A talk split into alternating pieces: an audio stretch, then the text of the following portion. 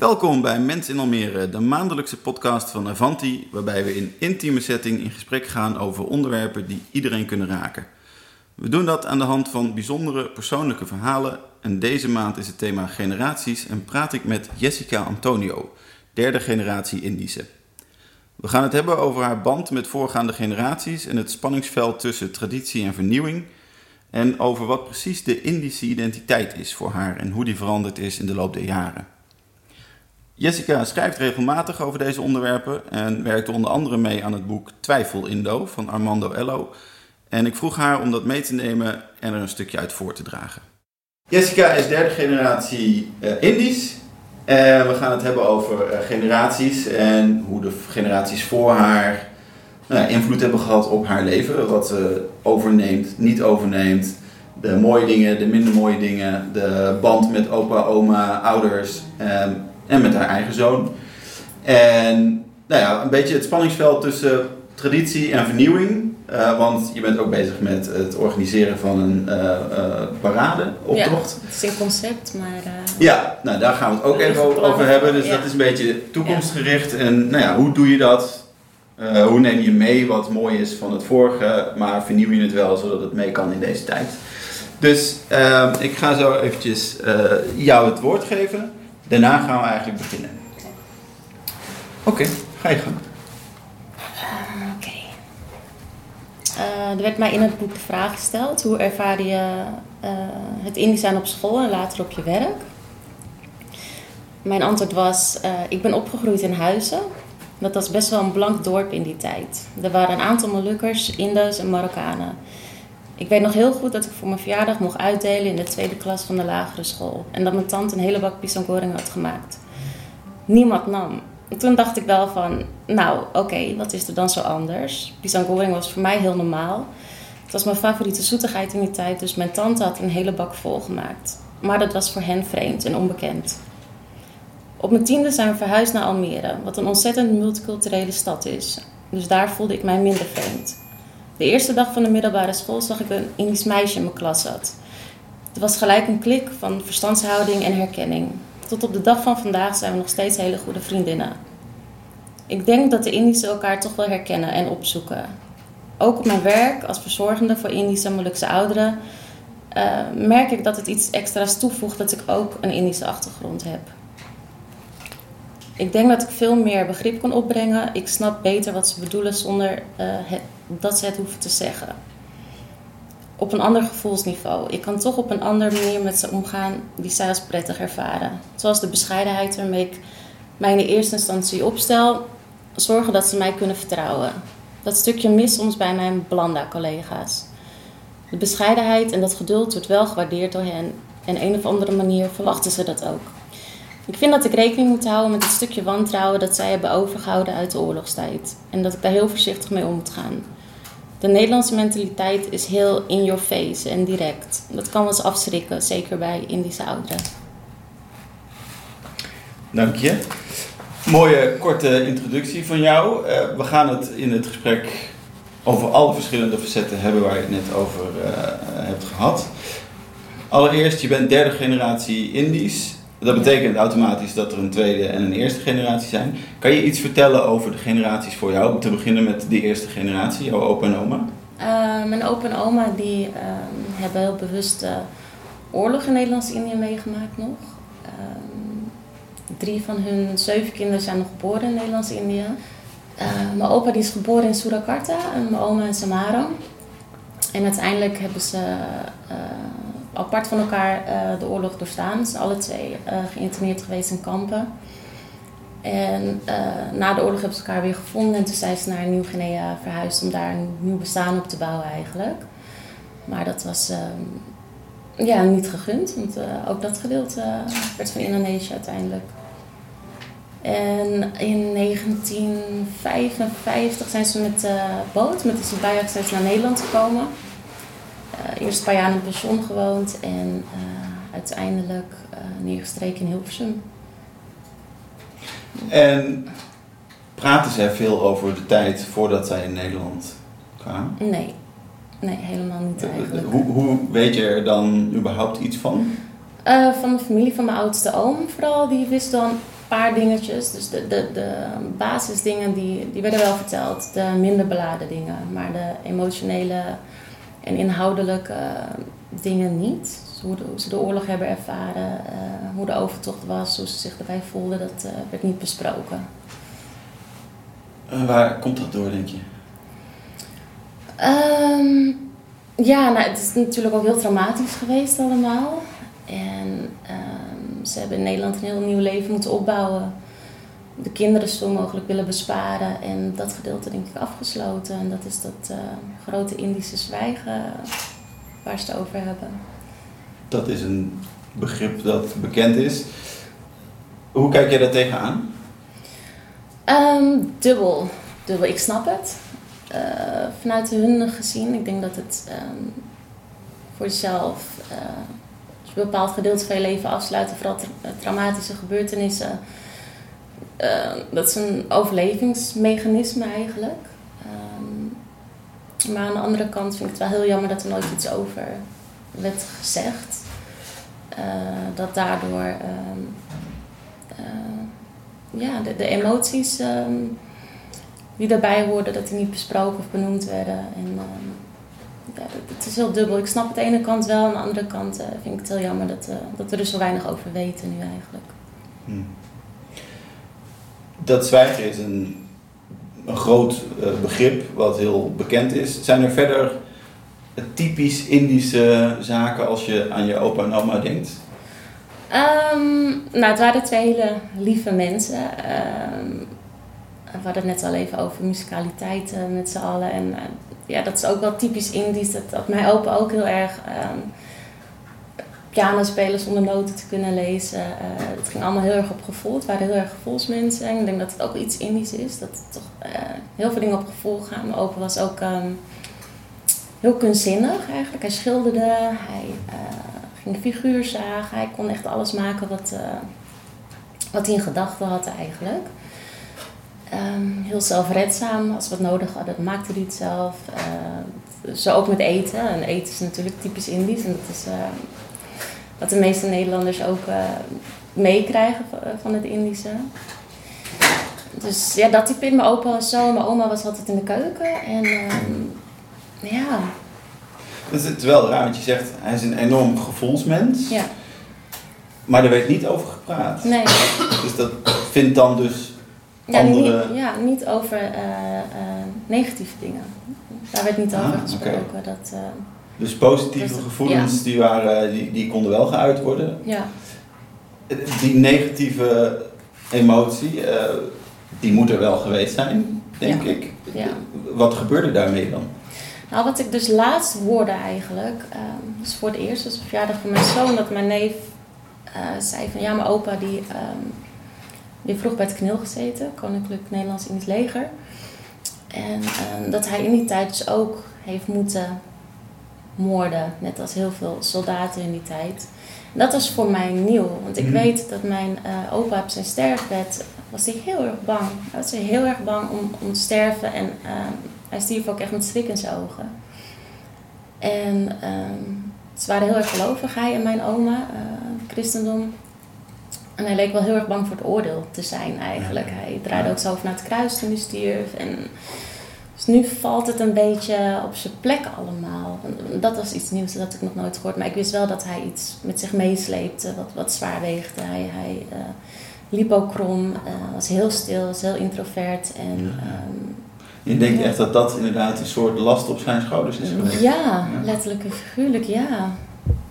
Ja, zo kom je achter steeds meer nieuwe dingetjes eigenlijk. Ik weet ook dat hij in de tijden van, van oorlog in, in het Jappenkamp um, ontzettend zwaar mishandeld is.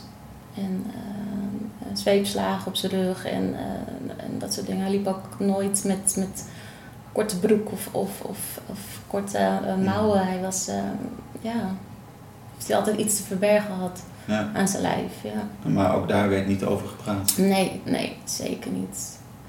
Nee. Het gekke was, als ik met mijn vader er ook wel eens over had, ze hadden ook helemaal niet het idee dat uh, hun ouders eigenlijk uit zo'n situatie kwamen.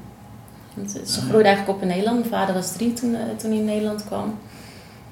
En um, nee, dat, uh, had het besef helemaal niet. Het nooit over gesproken, dus ze vroegen er ook nooit na eigenlijk. Nee, je, je, je, je vader heeft er nooit naar gevraagd. Nee. Nee. Heb je ooms en tantes? Ja. Allemaal hetzelfde? Ja. N- nooit iemand die daar naar vroeg? Nee. Nee, klopt. Ik had ook, eh, toen ik hier pas kwam werken bij Noesatara drie jaar geleden, had ik, dat was het begin van mijn zoektocht eigenlijk naar mijn roots. Toen ehm, ben ik ook een beetje rond gaan vragen bij mijn familie, bij ooms en tantes. En ehm, ik stuitte op heel veel weerstand. Ze wilden het er ook niet over hebben. Ook geen woord, geen woord Indisch kenden ze meer. Het was echt, ehm, ja, toen mijn opa om me heen kwam, alles moest zo Hollands mogelijk. Want de kinderen moesten zich aanpassen. Die moesten, ja, geruisloos assimileren eigenlijk.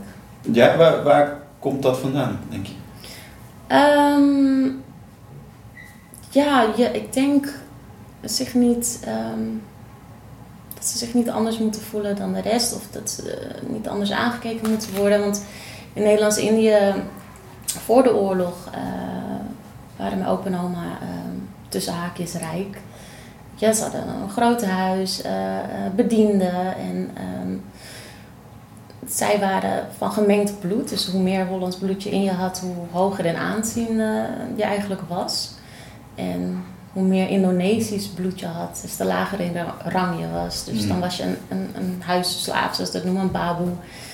En eh, zo hebben ze ook geleefd. En eh, tijdens de oorlog, eh, was alles was wat zo eh, eh, wat meer blank was, dat werd opgesloten in kampen. Dat, dat werd vernietigd. En toen dat over was helemaal, toen eh, de Indonesiërs een onafhankelijkheid wilden, toen moesten ze vrezen voor hun leven. Dus het was ehm, Dat was de Bersiap-tijd. de Bashir op tijd, ja.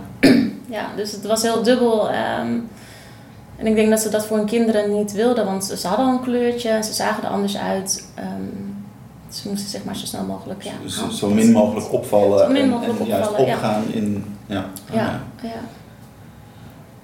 Eh, je schrijft heel veel blogs. Ja. Eh, ik heb er een aantal gelezen. En een aantal dingen die naar boven komen is eh, heel erg het eh, ja zeggen, het nee bedoelen. ja, klopt. En ik heb heel sterk het, het gevoel dat dat inderdaad ook bij jouw opa en oma sterk aanwezig was. eh, en dat dat nog steeds wel gaande is. ja. Kan, je- kan je dat toelichten? Ja, ja, ik merk het ook op werk. Ik werk met Indische en Molukse ouderen dan. En ehm, ja, er is een soort... In de Indische gemeenschap is er een soort ehm, weten, een gevoel...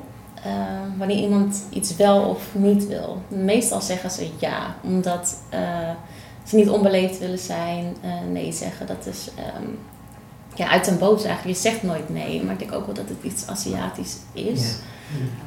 Weet je, dat is het ja knikken. En ja, ja, dat is goed, maar achter, achter je rug moet ik niet doen hoor. Weet je. Alleen Maar- Aziatisch ja, volgens mij hoor. Eh, in Marokko is het ook uiterst onbeleefd om nee te zeggen. Ja, Oké. Dus het is, Dus Ja. dan gewoon ja zeggen en dan achteraf maar kijken of merk je wel het kan. niet. eh, Oké. Ja, ja. ja. Ja. En voor, ik snap voor een buitenstaander is dat heel lastig. En Ja. ehm, ik denk, ehm, als je opgegroeid bent in die cultuur, dat het, dan leer je een beetje eh, het verschil tussen verschillende ja's. En, en, en denk je, oké, Ja. nou, ik ga dat toch niet doen. Het is een gevoelsmatig iets eigenlijk. Maar eh, heb jij daar zelf dan nooit last van? Als jij bijvoorbeeld, ehm, of in je werk of vroeger bij opa en oma of bij je ouders, Ja. ehm, om dat in te schatten? Ehm, nee, voor mijn familie is ben ik nou onderhand wel gewend. En eh, op mijn werk ook. Alleen ik heb er zelf moeite mee, want ik merk bij mezelf dat ik het ook doe. En daardoor, omdat ik ja zeg, ehm, ik heb zoiets van wie A zegt moet ook B zeggen. Dus dan ga ik wel door. En dan kan ik ook af en toe bepaalde grenzen overgaan. Of dingen doen die ik niet wil, omdat ik toch ja heb gezegd. En dan voel ik me weer schuldig als ik het niet doe. Dus Eh, ik doe het wel. Maar dat is wel een heel moeilijk iets om af te leren eigenlijk. ja. In die blog komt ehm, ook nog het eh, niet klagen maar dragen eh, Ja. sterk naar voren. Ja. Is dat het, eh, een beetje hetzelfde? Ehm, ja, ja, ja in, in mijn gezinscultuur wel. Tenminste, niet klagen en dragen als meer de, de negatieve emotie je dan ervaart. Eh, er niet over spreken, maar gewoon doorgaan en ehm, ja, ja. Hoe zeg je dat? Het volharden en, en ehm, Hmm. ja, niet klagen, maar dragen. Ja. Gewoon slikken Dat en zijn- doorgaan. Ja. Dat zijn toch een beetje allemaal, als ik mijn ouders kijk, dat is net, het- ze zijn niet Indonesiërs, maar dat, dit, ook- dat hebben ze Ja, ook. denkt u dat het dan me- Ja, meer een oude generatiekwestie is? generatie, mijn ouders hebben de eerste, Tweede Wereld, mijn Ja. vader is in de Tweede Wereldoorlog soldaat geweest. Ja. Nou, hij, hij, hij sprak er soms over, maar als kind, had ik zo weer weer al over die sol- soldaten, weet je wel. Dan, Hmm. maar op zijn sterfbed was dat echt nachtmerries. Ja, Dat zij, en mijn man is, heeft ook nog paracommando geweest in, eh, in Zaire. ja, Die sprak daar ook nooit over. En als er iets op televisie over was, dan moest de televisie dicht. ja, Het is gewoon een soort zelfbescherming. ja, Omdat ze anders, als dat zo dicht komt, doet dat zoveel pijn. En, eh, ja. Hmm. Want je ziet, ik heb, ben als wijkverpleegster gewerkt en ik heb ook Nederlandse eh, mannen verzorgd Mhm. die in de kampen gezeten hebben. Dat was ook zo, hè. Er hebben ook Nederlanders in die kampen gezeten in Indonesië. Ja, En die hadden ehm, kanker, huidkanker. Van, daar moesten ze uren in een Ja. blootje in de zon zitten. En mensen hadden echt huidkanker. Veel mensen zijn dan huidkanker gezien. ja. Hmm. Maar die spraken daar ook heel weinig over. Dat was ook een soort... eh, ja. Hmm. Ja, het is een zelfbescherming, denk ik. Ja. En misschien de oorlogsgeneratie die Ja. dat heel erg eh, heeft Ja. meegemaakt, Ja. zowel hier als daar. Ja, dus over negatieve traumaverwerking, dat is echt iets nog maar van de laatste, Ja, Hmm. van de laatste jaren. ja, Ja. klopt. Merk je dat het dan bij jou bijvoorbeeld al minder is? Als je het vergelijkt met generaties voor jou? Ehm, nou, ik weet wel dat ik het anders wil doen. Ik heb, eh, wat u zegt, de traumaverwerking, dat hebben die, die oudere generatie op hun eigen manier gedaan. Dus het niet klagen, maar dragen en, Ja. en, en er nooit over hebben. En dat was hun manier om ermee om te gaan. Ja. En ik denk dat de volgende generatie, bijvoorbeeld uw generatie en van mijn vader. Mijn, nou, ik merkte aan mijn vader dat hij heel erg vastliep ermee, later pas. En ehm, de gewoontes van zijn ouders overgenomen en ehm, een onvermogen hebben, te hebben ontwikkeld om met emotie om te gaan eigenlijk. Dus hij is later in therapie gegaan. Hij is, ehm, en ik merkte ook bij mezelf, ik ben de eerste eh, 15 jaar met hem opgegroeid en hij nog niet in therapie was geweest. En het, het sloeg ook over op mij. Hm. Dus ik heb daarvoor ook therapie gehad. En ik wil, eigenlijk, ik ben dan de derde generatie nu. Ik wil dat dat hier ergens stopt. Hmm. Dus ook qua emoties. En eh, ik merkte het bij mijn zoon ook. Ik was een keer, eh, wat voor mij een keerpunt was, dat mijn zoon een keer uit school kwam en hij scheen gepest te zijn of iets. En hij kwam huilend binnen en hij sloot zich op een wc.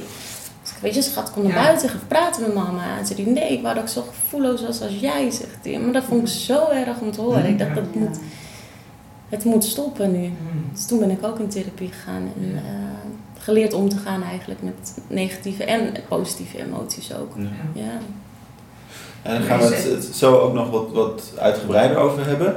Ehm, als je terugdenkt aan de periode dat jouw opa en oma nog leefden, ehm, hoe, hoe oud was je ongeveer eh, toen ze overleden? Eh, ik was tien toen mijn opa overleed en vijftien toen mijn oma overleed. Wat, wat zijn typische eh, jeugdherinneringen? Eh, ja, de weekenden. Eh, eh, weekenden was thuis. Mijn opa en oma was altijd een verzamelplek voor alle ooms, tantes, neefjes, nichtjes en aanhang. En het was één dolle pool altijd. En eh, ja, het eten. Je ver- verlangde altijd naar het weekend dat er heel veel gekookt werd en lekker gegeten. En al mijn neefjes en nichtjes, je groeit op als broers en zussen. Ik ben zelf enig kind. Dus dat was eh, ja, een soort thuiskomen. Het was echt mijn familie. Ja. Ja. Dan wil ik eigenlijk even door naar de, de tweede generatie. Eh, de eerste generatie heeft heel veel meegemaakt. Ja. Heel veel trauma's. Dat zwijgen, dat ehm, niet klagen maar dragen.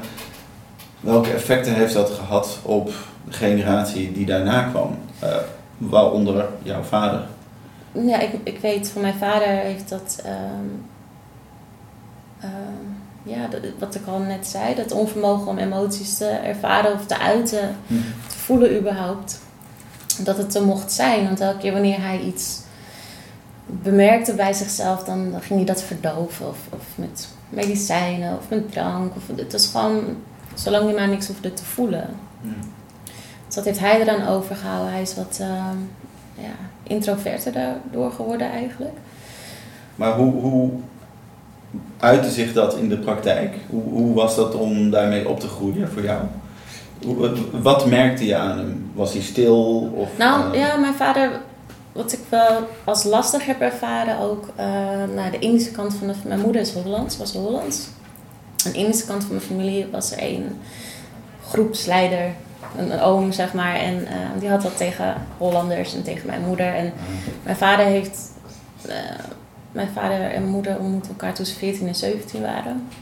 Zij heeft de- zijn hele leven lang, of haar hele leven lang, geprobeerd om eh, haar geaccepteerd te krijgen bij bepaalde mensen in de familie. Dat is niet gelukt. En ehm, die continue drang om eh, die goedkeuring te krijgen of om zijn familie te pleasen, dat, was, dat heeft wel een hoofdrol gespeeld in mijn jeugd. Zo ook bij mij, want ik was mijn moeders dochter en eh, die oom gebruikte het woord blanda. Blanda is een Hollandse eh, als scheldwoord. Dus blanda werd Ja. een scheldwoord en eh, noemde mijn moeder en mij altijd blanda. Dus dat was... ehm, ja, en mijn vader die trok me toch elke keer weer mee naar de familie. Ik mocht er niks over zeggen. Ik mocht niet, niet, niet boos om worden, niet verdrietig om zijn. En net doen alsof het niet gezegd was eigenlijk. Alsof dat niet speelde. Dus eh, continu schijn ophouden, dat, dat vond ik heel lastig.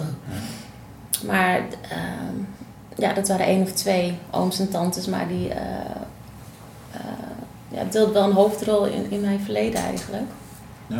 Maar mijn opa en oma, dit was totaal anders. Die, die waren heel lief. Die accepteerden alles en iedereen. En, eh, Want ging jou- jouw moeder ging wel mee naar familiebijeenkomsten? ja, die Ja. moest, ja, ja, ze mocht ook ons heel goed vinden, maar wanneer de, ja, zijn bui anders was van mijn oom of zo, dan eh, moest het ongelden. En ehm, ja, ook zij werd, ja, een beetje gedwongen door mijn vader van, oh, zeg maar niks, anders krijgen we ruzie. En, en weet je, dat, doen we niet. En zo ging dat. Ja. Herkenbaar. Ja. Aanpassen. Sorry, wat zegt u? aan zich aanpassen. Aanpassen, Ja, ja, ja. ja. Maar ik ben benieuwd of jullie nog zo'n familie-clan zijn. Nee, Nee, Nee. is... Toen opa en oma stierven, toen eh, dat- viel dat, ja. Het is echt meer Ja. begrafenissen, verjaardagen, dat, Ja. dat ze bij elkaar komen. Maar Ja. die sterke band is, is weg. En het, nou, Ja.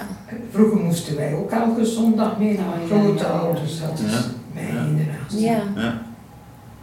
Ja. ja, alleen degene die, eh, een aantal neven en nichten met wie ik heel hecht was, ben ik nog steeds heel hecht mee. Mooi. Ja, die, die Maar je zie je kiest- regelmatig? Ja, Hm. maar je kiest, het, eh, je kiest er dan zelf uit later als het niet meer hoeft. Dan, eh, dan Ja. mag je zelf kiezen en dan Ja. creëer je je eigen familie eh, Oh, ja. die je graag om je heen hebt. Denk ik. Ja. Ja. Je, je vertelde dat je vader dus eigenlijk toch ook nog wel eh, dat redelijk heeft meegekregen, ook in zijn doen en laten. Dat hele praat er maar niet over, eh, verzwijg het maar. Ja, dat is voor de lieve vrede. Ja. Hoe, hoe was dat voor jou? Ehm, ja, ja, als kind zijn apart. Want ik, was een beetje anders vroeger. Dan, ja, dan, eh, Op, welke manier? nou, ik was een aandachtstrekker. Ik ging altijd, eh, ik was echt een trutje. Ik was een, ehm, een prinsesje met lakschoentjes en ik deed altijd gekke dansjes en weet ik wat. En mijn vader, ik viel te veel op en dat vond mijn vader niet leuk. En, ehm, dus dat werd er heel erg geremd eigenlijk. En ehm, dus wanneer ik een, een of andere optreden wilde doen voor mijn familie of wat dan ook, dan hoorde ik aan mijn vader dat hij zich een beetje schaamde voor me. Die, dus toen moest ik het heel snel afkappen. Dus ik mocht niet echt mezelf zijn. Ik weet ook nog heel goed, dat was ik eh, acht en ik was dus dat trutje in, eh, in een prinsessenjurk en zo. Nam hij me mee naar de kapper. En ik miste toen twee voortanden, ik was aan het wisselen. En ehm, toen liet hij stekeltjes knippen. Oh. Dat was heel erg. Ik heb lachen. Ja, dus dat, Maar dat was eh, mijn wat was vader. het idee daarachter? Nou, hij had altijd liever een zoon gewild. Hij wilde dat ik een stoer, stoer meisje zou worden. Die, Ja. ja, ik werd een trutje. En toen, ja. ja. Jeetje. ja. Maar eh, dat deel, dat. Nou, ik, ik, ik wil niet zeggen dat ik het snap, maar. ehm, maar als je bijvoorbeeld in je puberteit bent, Ja. zit je zelf ook met zaken, neem ik aan. Zit- wat, wat deed je daarmee? Eh, Hoe, hoe was de band met je moeder? Hoe was het anders? Hoe was de dynamiek eh, onderling in het gezin? Ehm, Ja, nou, puberteit. ehm mijn moeder die, die werkte in de horeca, dus die eh, eh, werkte vooral 's avonds en mijn vader overdag, dus eh, dat was contra. En ehm, ja, ik, ik miste s'avonds op zich wel moeder. Mijn vader, die, eh, wat zei, die zei niet zoveel, dat, dat ik nooit zoveel aan. Totdat ehm, mijn moeder eh, borstkanker kreeg toen ik 14 was. En toen, ja, toen, toen stond mijn hele puberteit en ook het hele gezinsleven op zijn kop eigenlijk. Ja. En dat uitte zich in eh, ehm, ja, hele aparte dingen eigenlijk. Maar ja, mijn moeder die had een, een eh, omdat ze al zo lang bij mijn vader was, eigenlijk het hele leven, die had echt een drang van, nou, misschien ga ik wel dood, ik wil nog leven. mhm. Dus die wilde alles doen wat ze nog wilde doen. Ja. Ehm, en die is echt ehm, heel losbandig gaan leven. Die, die had andere mannen op na, die ging aan de drugs, ging experimenteren met van alles en nog wat, alsof ze een haast had om te leven eigenlijk. En dat, eh, ja, dat was het einde van ons gezin eigenlijk. Mijn vader die probeerde dat nou ja, met, zijn Indisch zijn, zeg maar, eh, net te doen alsof het er niet was. Ja. En ehm, ja, En eh, ja, het- hoe was dat voor jou? Want jij zat met en het verdriet aan de ene kant ja, eh, van, van je moeder die ziek was, maar je- ja.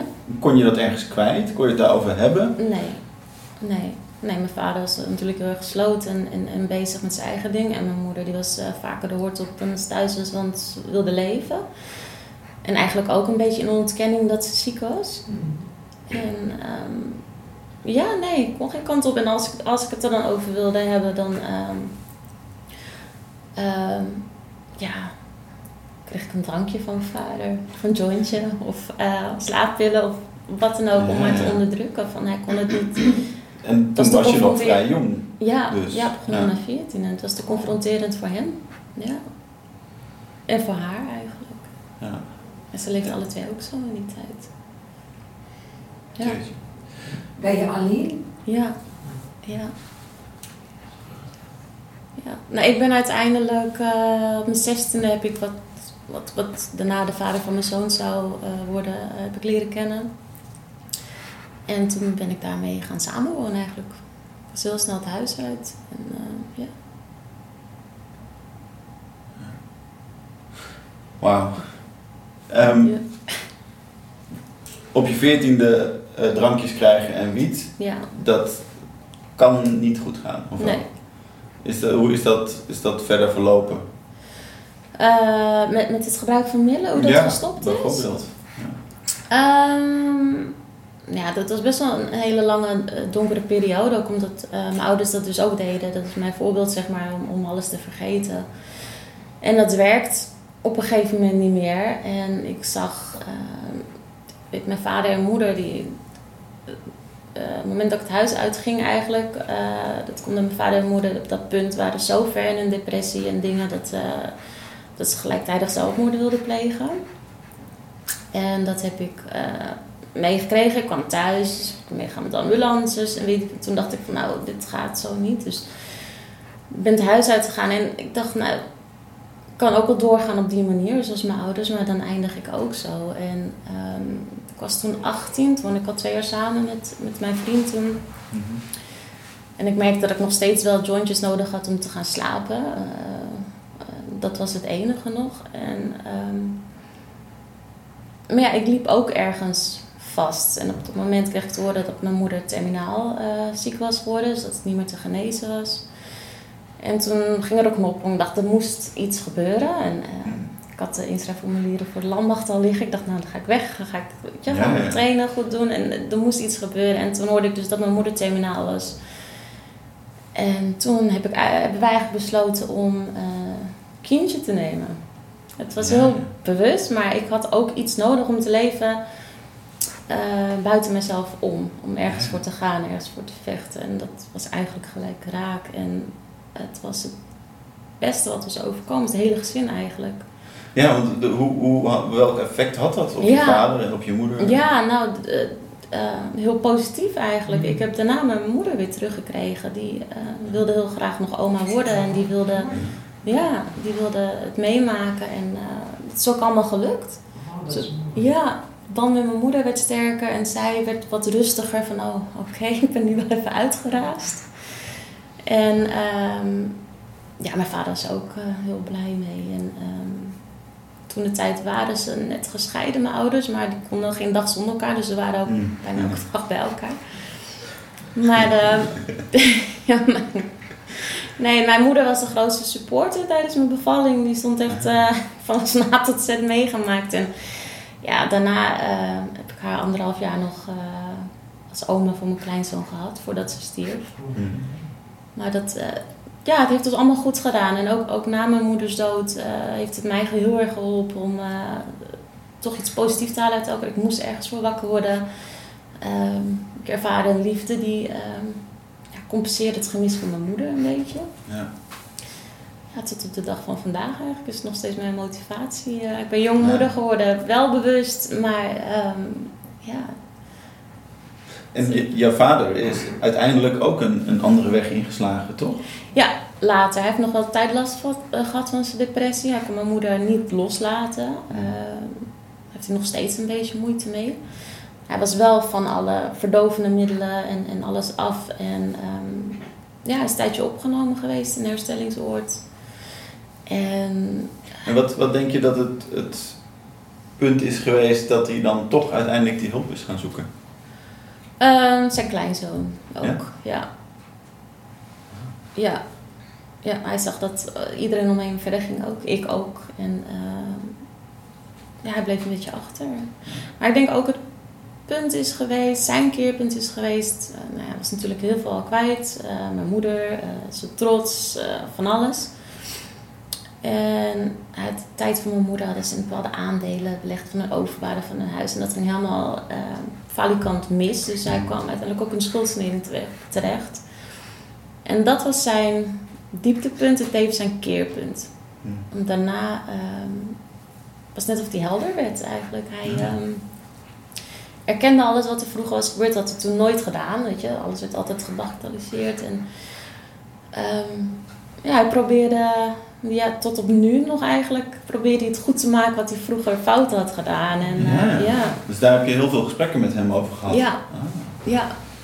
Ja, de Dat, emoties die jou we- ja. wel, wel heel mooi geweest zijn. Of, of Ja. juist ook wrang. Of, Ja, een beetje wrang ook wel. Ja. Want ik zei ook tegen hem, ik heb nu geen vader meer nodig eigenlijk. Maar dan opa voor mijn kleinzoon en blij dat je er bent. En misschien, ja, vrienden. Dat, eh, ja, elkaar weer een beetje opnieuw leren kennen de afgelopen jaren.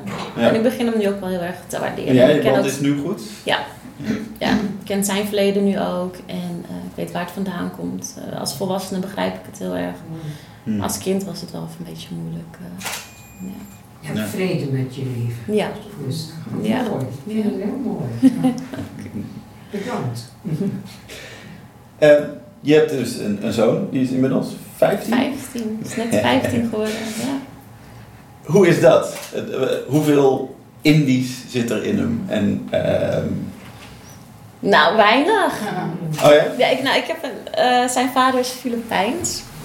En zijn vader is geëmigreerd naar Australië toen hij drie was. Dus hij ehm, ja, leeft al twaalf jaar zonder zijn vader eigenlijk.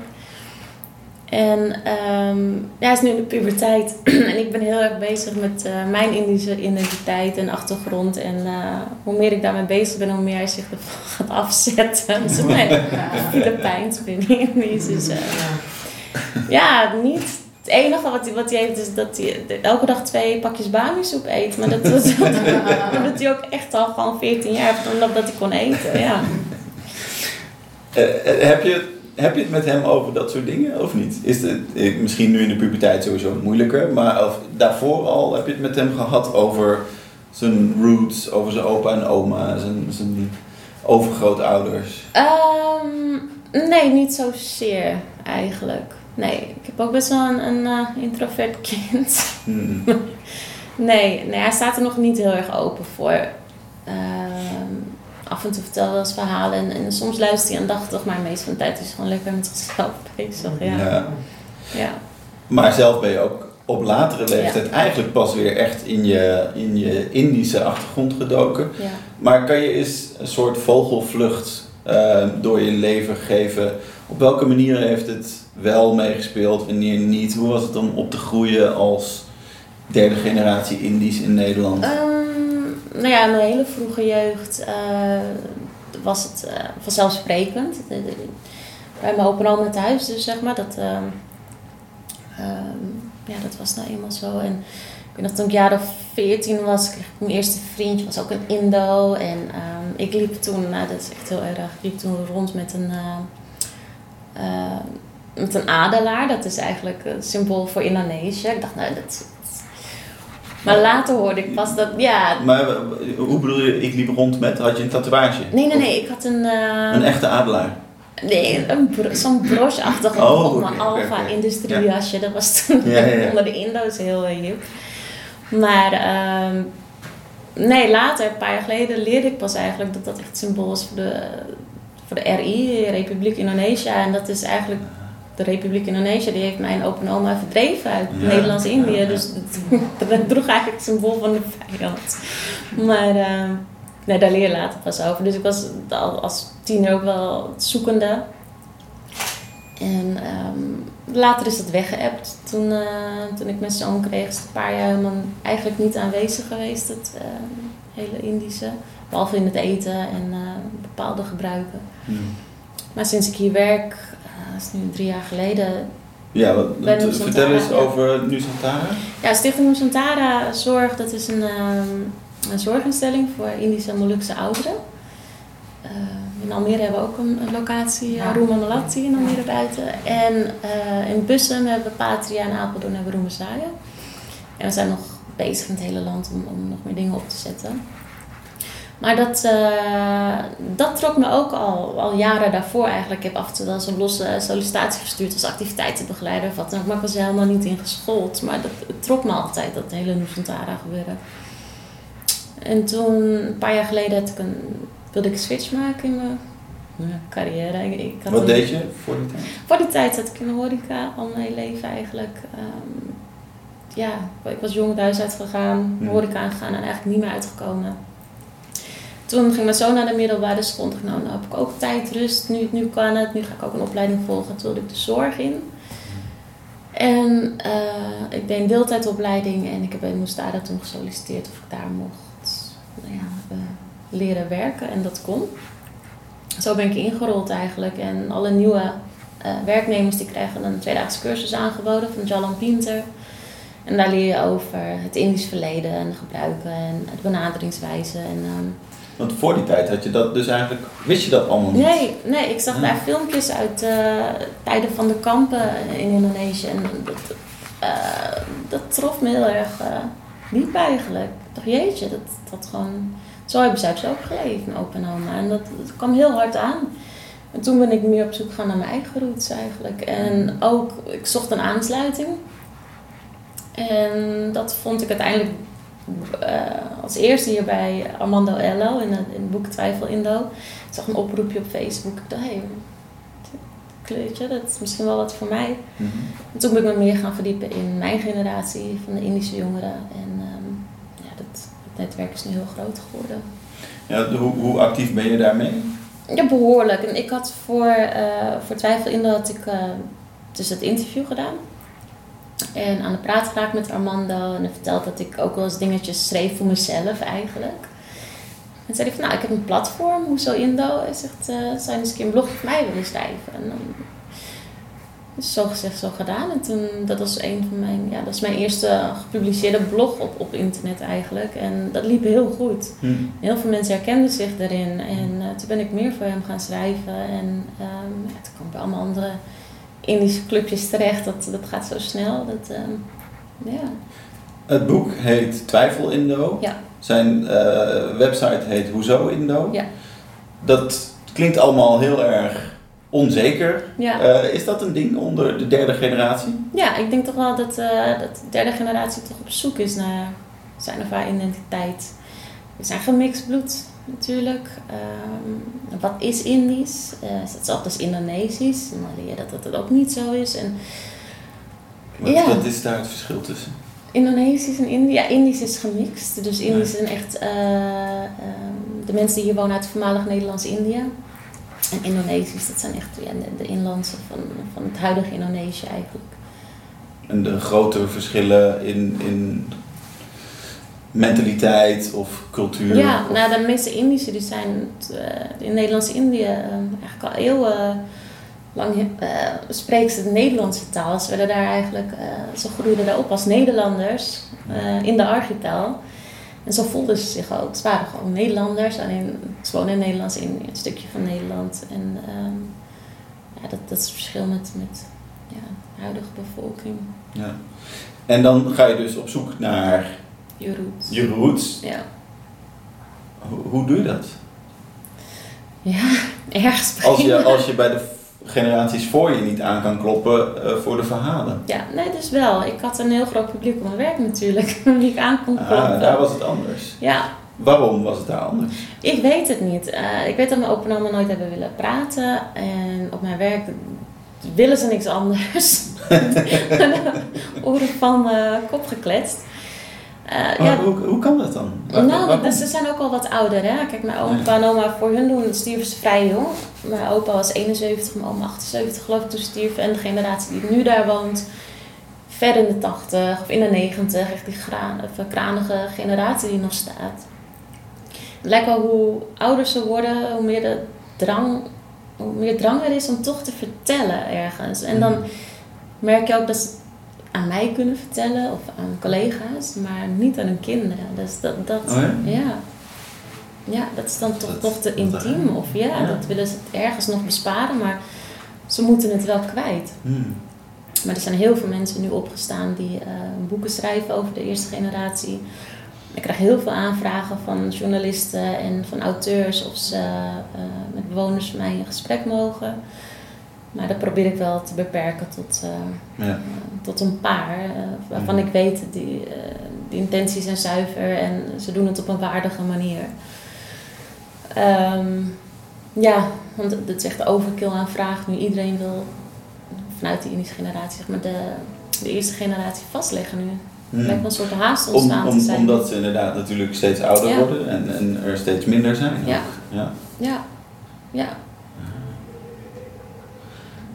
En dan hoor je al die verhalen. en dan ga je eh, contact zoeken met, met andere mensen uit de derde generatie. ja.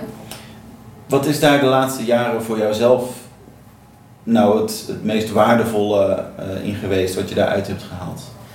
Ehm, ja, zeker een bepaalde vorm van samenhorigheid, toch nog. En ook dat eh, familiaire. Hmm. kan een Indo weet je, tegenkomen en eh, het, is, het is gelijk heel familiair. Je hoeft, eh, zonder woorden snap je elkaar dan een beetje, omdat je een beetje hetzelfde verleden deelt. En wat mijn persoonlijke missie een beetje is geweest, is zeker omdat ik zoveel hoor van die ouders, om toch die verhalen eh, die verteld willen worden, om die vast te leggen. En die oproep heb ik ook een paar jaar geleden, twee jaar geleden gedaan voor het eerst op Facebook van Nusantara. Eh, dat mensen hun verhaal inzenden, hun verhaal vertellen. Dat mogen alle generaties zijn. Tweede, derde, eerste. eh, wat ze ook willen schrijven. Of ze leuke dingen, eh, minder leuke dingen, gedichtjes. Als ze maar vertellen. Mhm. En er waren heel veel inzendingen gekomen. En dat hebben we ook gebundeld in een, in een boek. Oké, hoe heet het boek? Van Indisch zwijgen naar Indisch schrijven. Ja, en eh, afgelopen jaar was het tweede jaar op rij geweest. Dus dat, dat gaat heel erg goed. Het is een beetje een begrip geworden nu. Mooi. Ja, En je bent bezig met een parade. ja het is een concept wat is daar het idee? hoor. van? Ja. Vertel daar eens eh, over. Wat is het Ja, idee nou, we willen, kijk, je hebt in Nederland eh, heel veel passamalams. En eh, iedereen gaat passamalams, zeg de Indische markten. En de bekendste daarvan is de Tong Tong Fair in Den Haag op Malieveld. Dat staat er bijna twee, twee weken per jaar.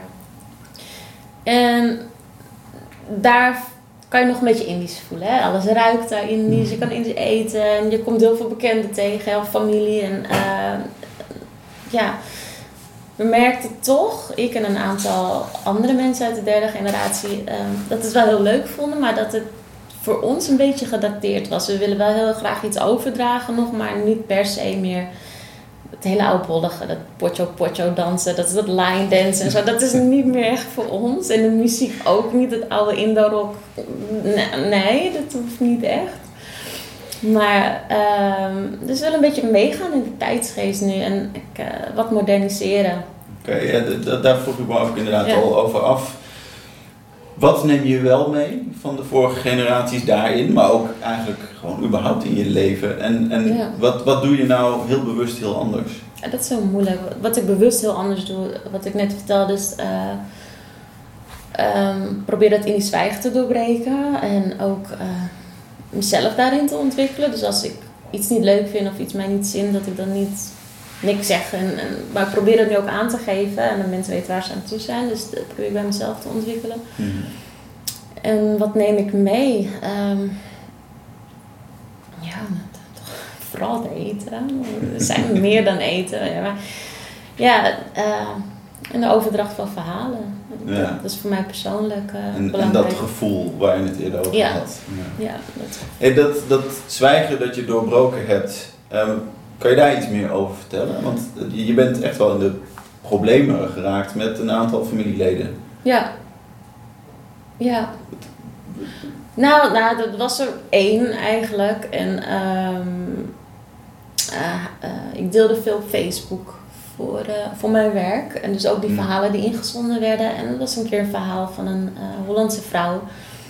Die een beetje dezelfde problemen ervaarde als mijn moeder. Nooit echt erbij horen in de. Indische familie. Het gevoel, dat gevoel te hebben. En, dus ik had een korte intro erboven geplaatst van, eh, nou, weet je, herkenbaar. Ik heb het eh, ook zo ervaren in, in, in eh, mijn familie. Althans, mijn moeder. En nou, ik nog een twee minuten later kreeg ik een sms'je of appje van... ik hoop niet dat het jouw woorden zijn. Ik zei, nou, wel. Ja. Ja, ieder zijn waarheid. En Ja. ehm, nee, toen ben ik eigenlijk... eh, heeft hij me overal op geblokkeerd. En echt, dat betreft, voor hem stond ik niet meer. Nee. En Hoe, hoe ging dat dan vervolgens in de familie? Ehm, nou, ik probeerde natuurlijk een aantal van zijn zussen en zo van, van te overtuigen dat, eh, eh, dat ik hele gemene dingen over ze sprak. Maar dat, dat, dat was niet zo. Hmm. En de een geloofde het wel en de ander die niet. Dus er Maar een dat, beetje dat heeft wel verdeeldheid. dus, dus on- onrust Ja. in de familie opgeleverd. Ja, Hoe is dat nu? Is dat nog steeds? Ehm, nee. Nou, misschien onderliggend. Ze zullen het nooit zeggen. En dat is het, Mm. gewoon het vervelende af en toe een beetje van onze cultuur. Ze zullen nooit zeggen van... Of je ermee confronteren, want dan kan je het uitpraten. Maar dat, dat gebeurt dus niet. Eh, nee, die oom is eh, inmiddels overleden. Ehm, ehm, ja. Het is kort geleden, dus ik moet nog even uitwijzen hoe of wat. Maar Ja. ik merkte wel dat eh, bij zijn eh hele overlijden en de, de, de begrafenis en eh, de slammatan, dus het vieren van 40, vieren, dat iemand 40, jaar, eh, 40 dagen overleden is en dan richting hemel gaat. Ehm, dat de familie toch wel iets hechter is geworden en ook dat er iets meer bespreekbaar is nu. Hmm. Sommige familieleden die me echt mede als de pest daarvoor, die spraken weer met me. En, maar dan is het ook weer goed. Alleen ehm, wat er gebeurd is of zo, dat zal nooit uitgesproken worden. Hmm. En als ik er zelf over zou beginnen, zou ze het afkappen. Dus weet je, Ja, ja. Dat, dat is heel lastig. Dus doe je dat ook maar niet? Of wel? Nee. Nee. Nee, Ja, nee. Oké. Zien ze dat dan niet in of is dat... Zien ze het niet in of is het van het moet allemaal schoon blijven, goed blijven? Dat, ja, dat denk ik. Ja. Ik denk toch dat het allemaal... voor- ja, voor de, ja, Zo ook toen mijn vader bijvoorbeeld eh, mentaal heel instabiel was. Toen sloot ze hem ook een beetje buiten. Van Ja. ogen, oogkleppen op en doen alsof er niks aan de hand is. En we zien je wel weer als je er weer bent. Weet je? Dus toch het schoonhouden misschien Ja. wel, ja. ja. Hmm. ja. Hoe zie jij de Indische identiteit voor generatie 4 en daarna? Moeilijk. Ja? Ik, ik denk, ja. ja. Ik hoop het wel, maar eerlijk gezegd denk ik niet dat het Maar wat, wat, wat denk je dat er... Nee, je denkt dat die zal verdwijnen? Ja. Oké. Ja, we vermengen ons steeds verder. Hmm. En eh, Kijk, Indisch zijn is maar een deel van onze identiteit. Hè. Het maakt ons niet helemaal tot wie we zijn. En ehm, ja, we bestaan nog uit zoveel meer. En ik denk dat, wat je zegt, over zoveel generaties verder, ik denk dat eh, afkomst of ras ehm, eigenlijk maar een heel klein deel van je identiteit gaat uitmaken, omdat iedereen zo vermengd is. Ik denk dat dat, dat hopelijk steeds minder wordt en dat mensen elkaar daar ook niet meer op beoordelen en zo. Ja. Dus nog wel de verhalen van Ja. toen eh, Ja, het is bewaren. Ja, en, en wel laten voortleven, maar op een moment zal het klaar zijn. ik denk het wel. Ja. Ja. Behalve in de keuken. Heeft iemand nog vragen voor Jessica? Dan wil ik jou heel erg hartelijk bedanken voor jouw aanwezigheid en voor je mooie verhaal. Ehm, iedereen aanwezig bedankt. Mensen thuis bedankt voor het luisteren. Volgende maand zijn we er weer, dan op 17 mei. Dan is het thema vrijheid en hebben wij te gast Anneke Dalger.